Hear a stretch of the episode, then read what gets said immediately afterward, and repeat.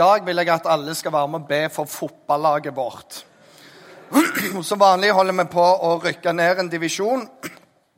Og eh, det går hardt inn på en jærbonde, det der. Vi starter i dag en taleserie eh, som heter 'Skatten i leirkrukker'. Det er hentet fra eh, et brev i Det nye testamentet som heter 2. Korinterbrev, kapittel 4. Og så har jeg bare lyst til å si med en gang dette er ikke et kurs i selvutvikling. Dette er ikke sånn feel good. Dette er ikke ti steg til personlig lykke. Bare tenk på deg sjøl, smil veldig mye og tenk at alt går bra, så blir det et bra liv. Og, og greia er at det er en skatt som er i ei leirkrukke.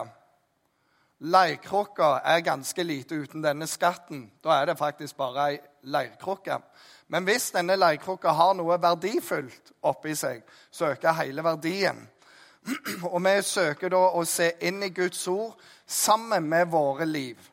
For at vi kan eh, føle oss virkelig så leirkrok når noen sprukner, noen òg, og i det hele tatt. Men det er ikke en feel good. Når vi snakker om denne her leirkrukkegreia som er bildet på oss, så la meg starte da med å fortelle bitte litt fra min oppvekst. Dette i de tider der jærdagene var på sitt høydepunkt. Jærdagene det hadde fesjå. Det vil si at eh, sauer og griser og kyr og traktorer Og det var både John Deere og Massey Ferguson og Fent og alt du kan nevne deg. Det var på den tida til og med Belarus var en traktor. Det var helt fantastisk. Blant annet så var det òg løp. Og tre år gammel så stilte jeg opp i mitt første trehjulssykkelløp. Og jeg var klar til å vinne. Jeg var sånn, jeg var aldri med for å konkurrere, jeg var med for å vinne. Og hvis jeg ikke vant, så kunne det være det samme med hele greia. Tre år gammel, rimelig klar på startstreken, og så kjører de andre trehjulssyklene opp på siden av meg. Jeg ser rundt meg. De er fire år og fem år. Det er ganske mange prosent mer og ganske mye høyere. Jeg hadde de små DBS-hjula med den der lasteplanen bak. Bror min han hadde de høye hjula. De eh, Trehjulssyklene har slutta med dem, for nå er det sånne sparkesykler som gjelder. Dobbelt så store hjul, ett år eldre. Fem meter ute i løpet, som varte 60 meter, så skjønte jeg jeg kommer ikke til å vinne. Jeg bare slutta der og da. Hvorfor konkurrere når du ikke kan vinne? Jeg hadde en sånn fin bue rundt, og der sto jeg. Jeg eh, lagde et fuglebrett så fugler kunne lande på leppa mi. Og bror min, Jim, som er pastor i Lyngdal, han vant som alltid. I tillegg til at han var eldre enn meg, så hadde han utrolig pene øyne. Han har lyseblå, jeg har mer sånne et eller annet eh, vanlige øyne. Og premien var en kronesis. Så han kommer fram der og ser på dem sånn, og sier jeg har en bror som er veldig lei seg. Kan han òg få en is? Og vet du, Folk klarer ikke å motstå Jim. Så der var det to iser. Han går bort til meg med den ene, og jeg var så sur. Og hele isen kunne smelte. Og han gir til meg, og der tar de bilde av oss. Det er det eneste bildet jeg har av meg og han når vi er små. Hvordan bli overvunnet og samtidig bare gni det inn. Her er seiersis, vær så god. Og jeg ligger bare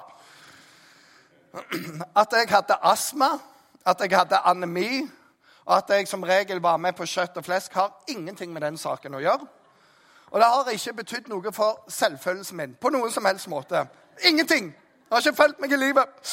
Ok. Men la meg bare sammenligne med andre i konkurranse med andre. Har du òg det sånn av og til? At du kommer til kort. At du ikke alltid er den som trekker det lengste strået.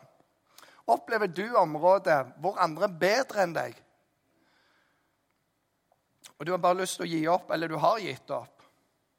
Har du latt andres prestasjoner og resultater bestemme over dine valg og dine muligheter?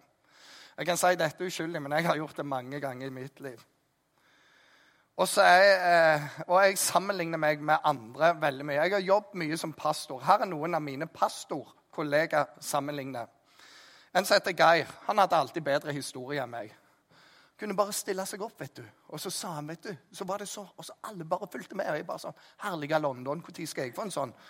Jens Kåre Han er så utrolig Han kan så mye, og alt han sa, var sant. Jeg håpte at noe var sant. Jeg jobber med Jarle nå. Han er mye klokere, visere og mer tålmodig enn meg. Eirik, barneperson, han har kule hoggtenner. Mats han er ekstremt strukturert i alt han gjør. Bente hun har styr på alt i denne kirka. Hun husker alle ting utenat. Dame i det hele tatt. Alle er jo mye penere enn meg. Ansgarskolens ansatte, jeg har vært ansatt der. De liker å lese bøker, fordype seg. Jeg hater å lese bøker og fordype meg. Bare gi meg Jeg liker mer den microchipen inn. og så, OK, nå kan jeg alt det der. Vi har en formann, Frank, her. Han har, fullført alle prosjektene før jeg har tenkt ferdig. For ikke snakke om kona mi Katrine. Når jeg begynner å sammenligne meg med henne, vet du, lista er jo bare wow, jeg kommer til kort overalt. Og jeg ville jo vært tilbøyelig til å si det beste med meg er kona mi Katrine. Hvis Katrine sto her, så ville hun mer sitert Paulus eh, når hun skulle snakke om meg.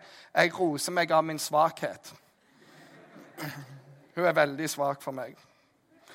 Og Av og til så er det sånn at vi sammenligner oss med hverandre fram og tilbake. Jeg husker På barneskolen på Bryne så var det en i klassen han hadde krølle. Gjett hva alle vi andre hadde lyst på. Å, vi ville så gjerne ha krølle. Gjett hva han hadde lyst på. Stritt hår. Min mor og far og de er mor og far til de samme med syv søsken. Det, først fikk de tre, så måtte de en lang pause. Og så orket de gå løs på oss fire siste. Far hans eh, greie var at han oppdro de to eldste i hvert kull. Så da Gunnar og Jim de fikk all oppdragelse. Gjett om vi var misunnelige på det. De fikk så mye oppmerksomhet fra far, vi fikk ingenting. Og bare for et par-tre år siden så snakket vi med Jim og dette. Så tuller du med meg? Jeg har alltid vært misunnelig på dere, fordi vi ble hakka på hele tida. Skulle ønske jeg hakka på dere.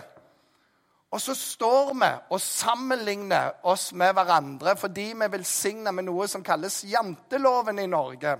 Og vi kommer alltid til kort sammenlignet med de andre. Og av og til så står alle og sammenligner med de andre, og alle kommer til kort. Det er veldig destruktivt. Fantastisk. Bare kjenne det oser på herrene, og det blir veldig bra. Jeg har en kompis som er musikklærer, og han sier alltid dette. Når han, når han, sitter med elever han, eh, han, spiller mange instrument, og de er litt mismodige, for de får ikke helt til takten eller rytmen eller hva det enn måtte være. Så det fins en trommis i Japan som er bedre enn deg, bare så du vet det. Sykt mye bedre. Jeg kan vise på YouTube. Og så fins en gitarist som er sykt mye bedre enn deg i Japan. Og så sier han men greia er de kan ikke spille band, men det kan du. De vil alltid være bedre enn deg, men du har det moro. De vil alltid være bare outstanding. Men det er antageligvis du som tjener penger hvis noen av dere tjener penger. Og Han gjør et poeng av det, at det vil alltid være noen som er bedre enn deg. Slutt å sammenligne deg. Ha det gøy. Se hvor langt du kan komme med hobbyen din, eller hva det kan være. Og mist ikke motet. Det er hele greia. Et par åndelige poeng på dette her. Det vil alltid være noe du ikke kan. Det vil alltid være noe du ikke strekker til på. Uansett, ingen av oss er supermennesker. Og vet du hva? Gud vil at det skal være sånn. Fordi han vil at vi skal lære oss å være avhengige av andre og være glad for de andre sitt bidrag.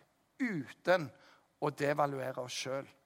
Fordi jeg kan noe som du ikke kan, og du kan noe jeg ikke kan. Og, og det kalles fellesskap.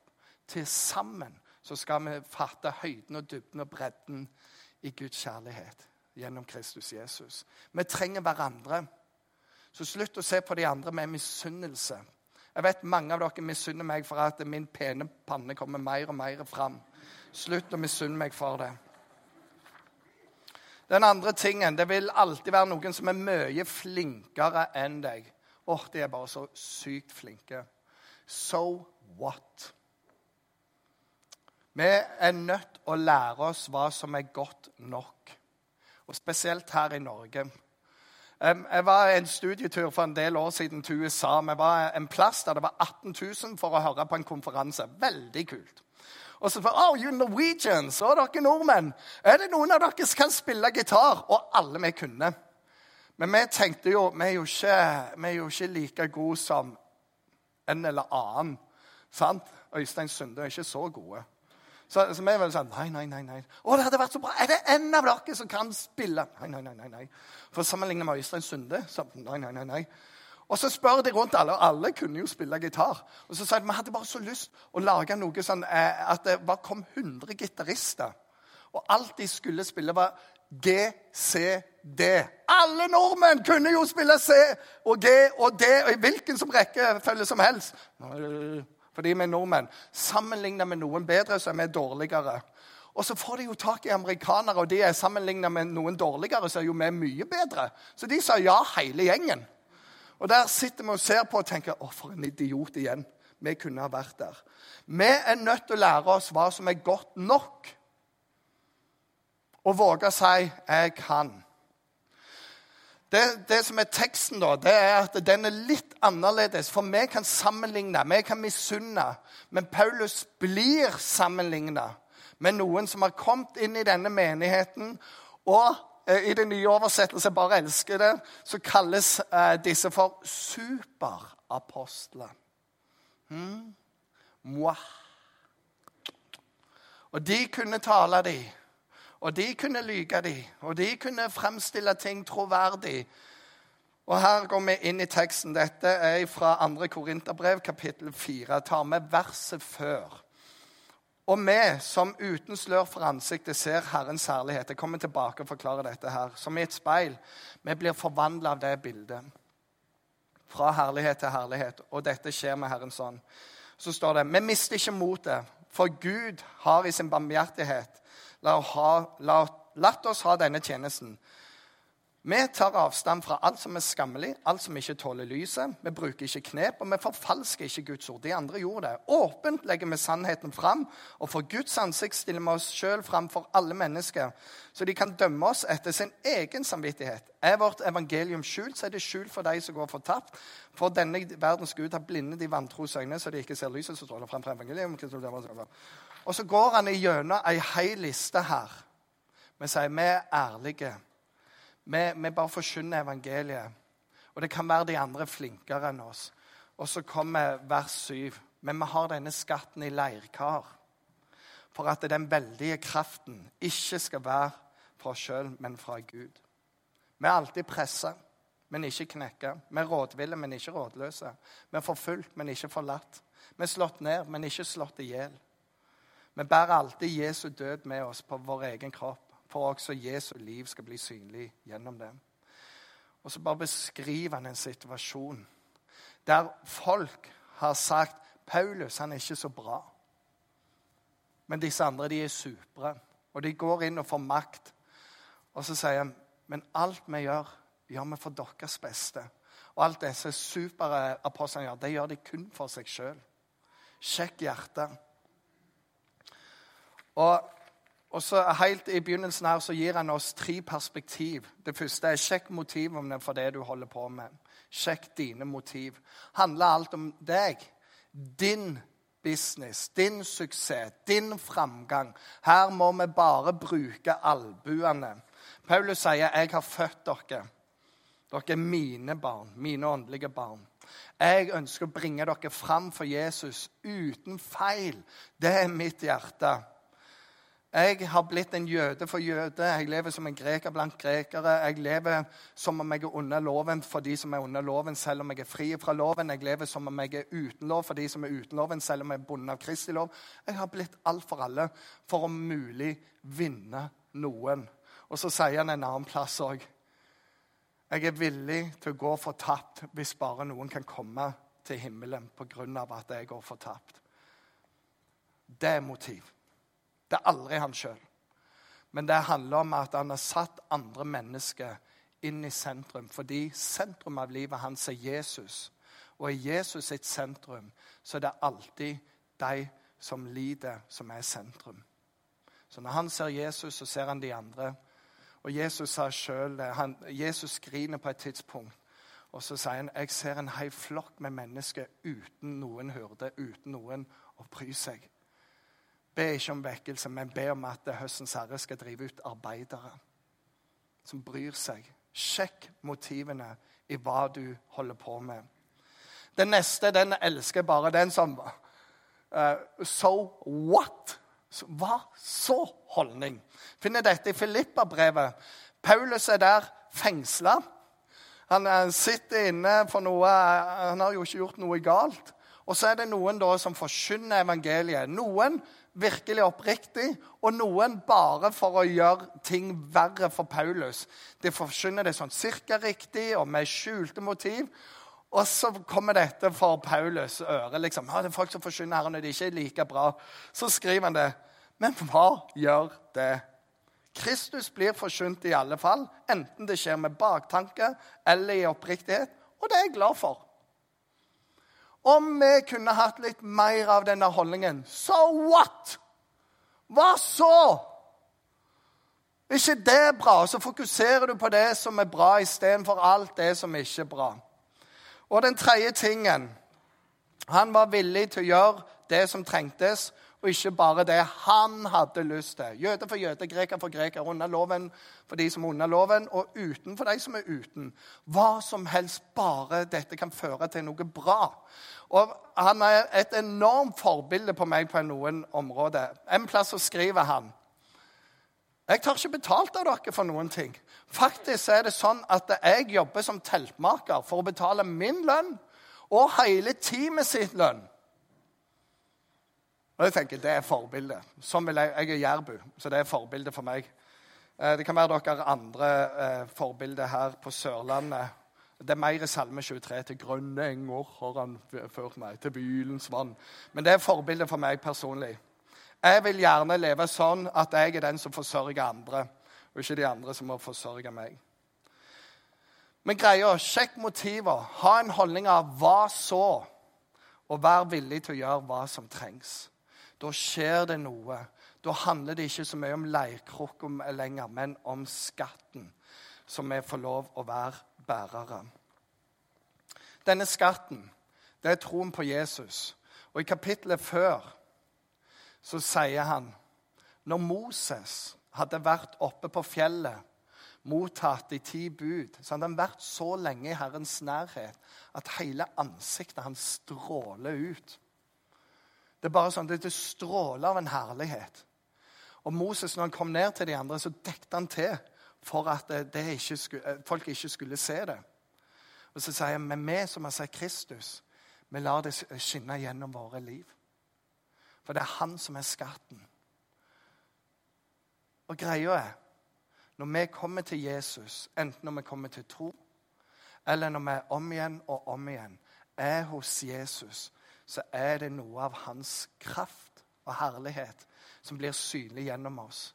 Vi som ber, vi vet noe om det.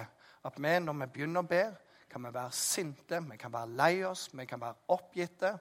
Men når vi har brukt tid i Guds nærhet, så forvandles hjertene våre.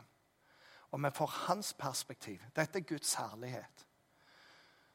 Av og til når tankene er overalt, og vi sammenligner hva enn vi gjør, så begynner vi å lese Guds ord. Så plutselig så Dette er det å ta tankene til fange under lydigheten mot Kristus. Du tenker noe som sier men Guds ord sier dette, og det er det som er sant. Så skjer det noe med oss. Perspektivet på livet forandrer seg fordi vi kommer inn i den strømmen. Det er Guds herlighet. Og vi bærer det med oss i våre liv. Så vet vi at så lenge vi lever, så kommer vi fortsatt til å stride mellom to naturer. Det er ikke alt som blir helt perfekt, eller alt som ble helt som vi hadde planlagt det. Mitt store dilemma er at det står 'den som snakker mye, synder lett'. Jeg snakker veldig mye. Og så handler det ikke om meg, men det handler om han som bor i meg. At jeg får lov å være bærer av evangeliet for han. Det er denne skatten.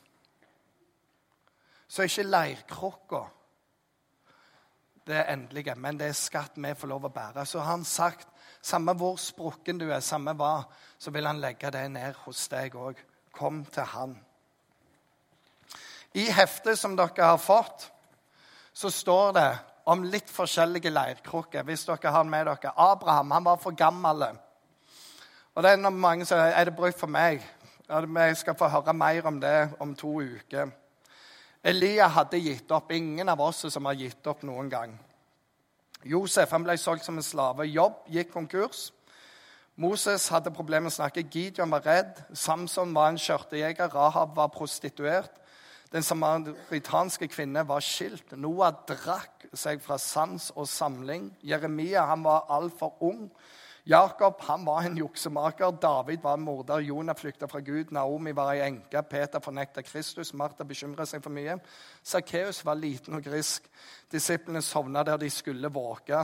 Og Paulus han forfulgte de kristne. Og vet du hva? Lista gjennom Bibelen han kunne bare følge på og følge på.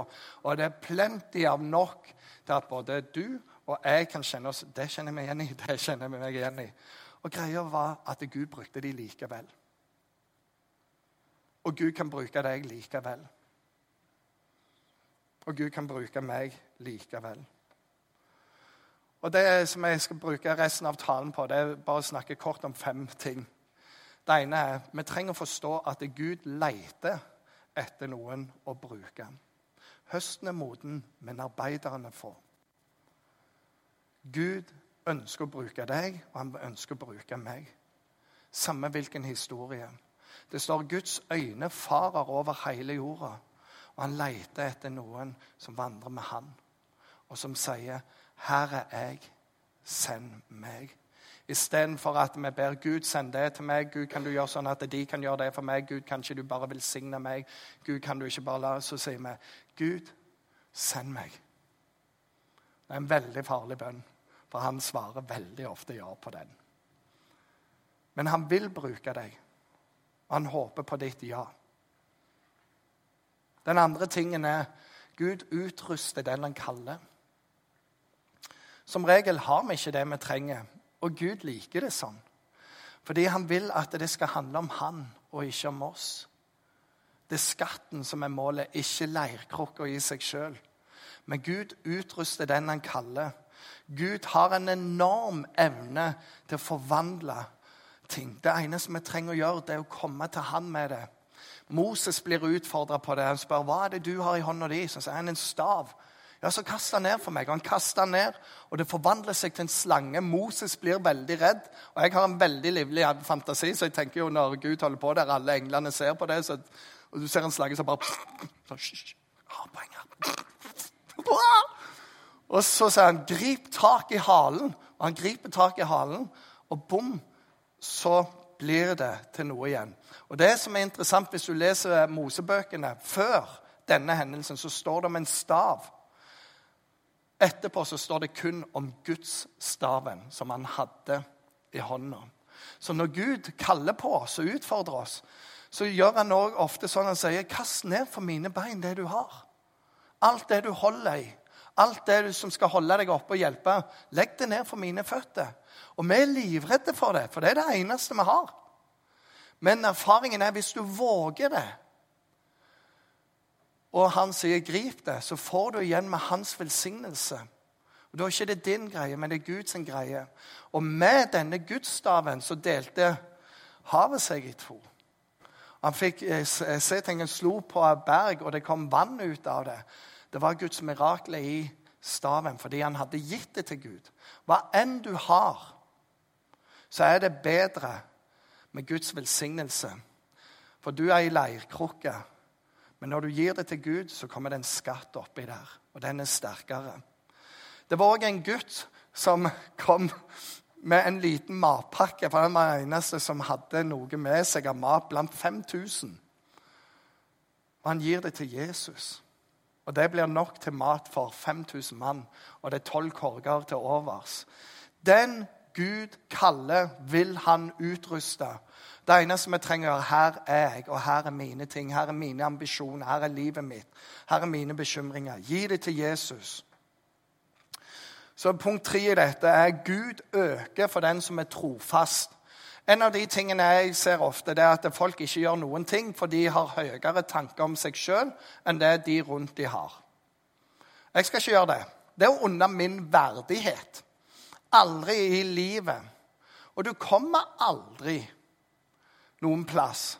For det du gjør Du bruker tid på å si nei, for du har litt andre tanker.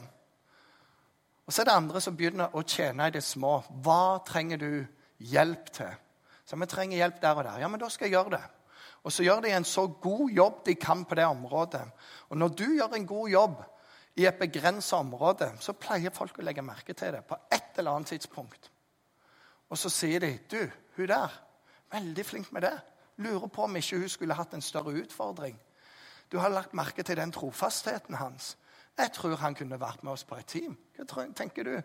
Han er litt ung, men han har jo bevist noen ting. OK, kjør på. Hva tenker du om han der? Ja, vet du, Vanligvis så tar vi ikke med folk over 50 år. Men han der han, kom, han er jo bare milevis foran oss, kommer alltid til å være det. Så vi må bare henge på så godt vi kan. Gud lønner trofasthet, ikke høye tanker om seg sjøl. Så hva enn du får av mulighet, så grip det og gjør det beste ut av det. Jeg har sett altfor mange som bare kaster vekk alt fordi de tror krukka er greia, og ikke skatten.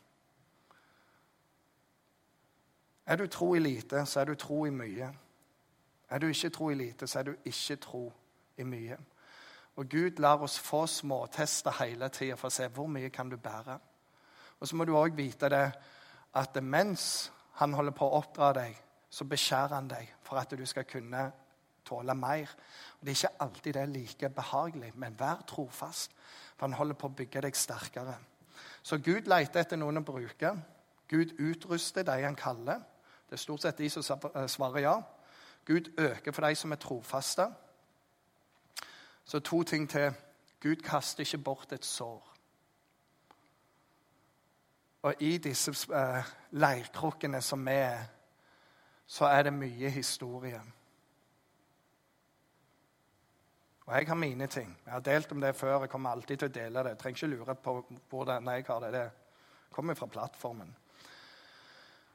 Og greia er at vi alle har med en historie. Og så har jeg òg fått sett det når folk våger å åpne det opp, gi det til Jesus, jobbe gjennom prosess, så har jeg sett om igjen og om igjen og om igjen hvordan Gud bare forvandler det som var svakt, som var ødelagt, til å bli en tjeneste, til å bringe legedom, helbredelse, håp for andre mennesker. En av mine gode venner i USA, vi var nettopp der, han forteller at hans svigerfar var alkoholiker, var det i mange år. Så han snakket mye om det. Og, og så blir han med på et kurs, blir tørrlagt for et annet mål. Og nå så leder han over 100 stykk på, på veien mot å bli fri fra det. Bruke en svakhet som blir en styrke i livet hans. Og Han sier han er så på for Jesus at du ville ikke trodd det. Nå har jeg problem, for jeg ba for ham, men nå må jeg prøve å holde følge med ham, for han løper med Jesus. Gud vender det. Gud vender det til de grader. Vi skal få høre neste uke om litt av det. Hvordan Gud kan vende sår til tjeneste. Til slutt følg ledere som halter. Ikke følg superapostler. Det fins alltid kule folk som kommer. Det fins alltid de som er enda bedre. Sjekk historien. Og det, med det som vi mener med å halte, det er ifra en bibelfortelling. Når Jakob slåss med en, en, engel, og de er hjembyrdige Det er veldig bra at en engel lar ham bli hjembyrdig. Så man gjør ei greie, og så slår englene over hofteskåla, så han halter. Og så står det han kjempa med Gud, og han vant. Og han fikk Herrens velsignelse. Jeg slipper deg ikke før jeg har din velsignelse. Og så må han velsigne ham for. Jeg er nødt til å gå nå. Vær velsigna i Herrens navn. Og så flyr han. Og så halter han for resten av livet. Og det er noe med mennesket som har levd et liv. Som har vært gjennom smerte. Som har måttet kjempe med ting. Hvor det var enklest å bare kutte ut, si nei, gi opp eller ta igjen. Men så valgte en annen vei fordi de hadde en skatt som var viktigere enn de. Og hva de mottar på andre sida, det er helt enormt. Følg ledere som halter. Og superapostler morsomt å høre på, men de har ingenting å komme med. Følg leders som halter. Vær en leder som halter òg. La Gud få helbrede deg. La Gud bruke deg. Så til slutt Du må ikke være best i alt for å bli brukt av Gud. Du kommer neppe til å bli best i alt. Og hvis du er best i alt, kommer noen etter deg som blir bedre enn deg uansett. Alle rekorder blir, slutt, eh, blir slått. Det handler ikke om deg. Det handler ikke om meg. Men sentrum får være noe annet. Det handler om hva vi får lov å være bærere av. Og får lov å gi videre til andre mennesker.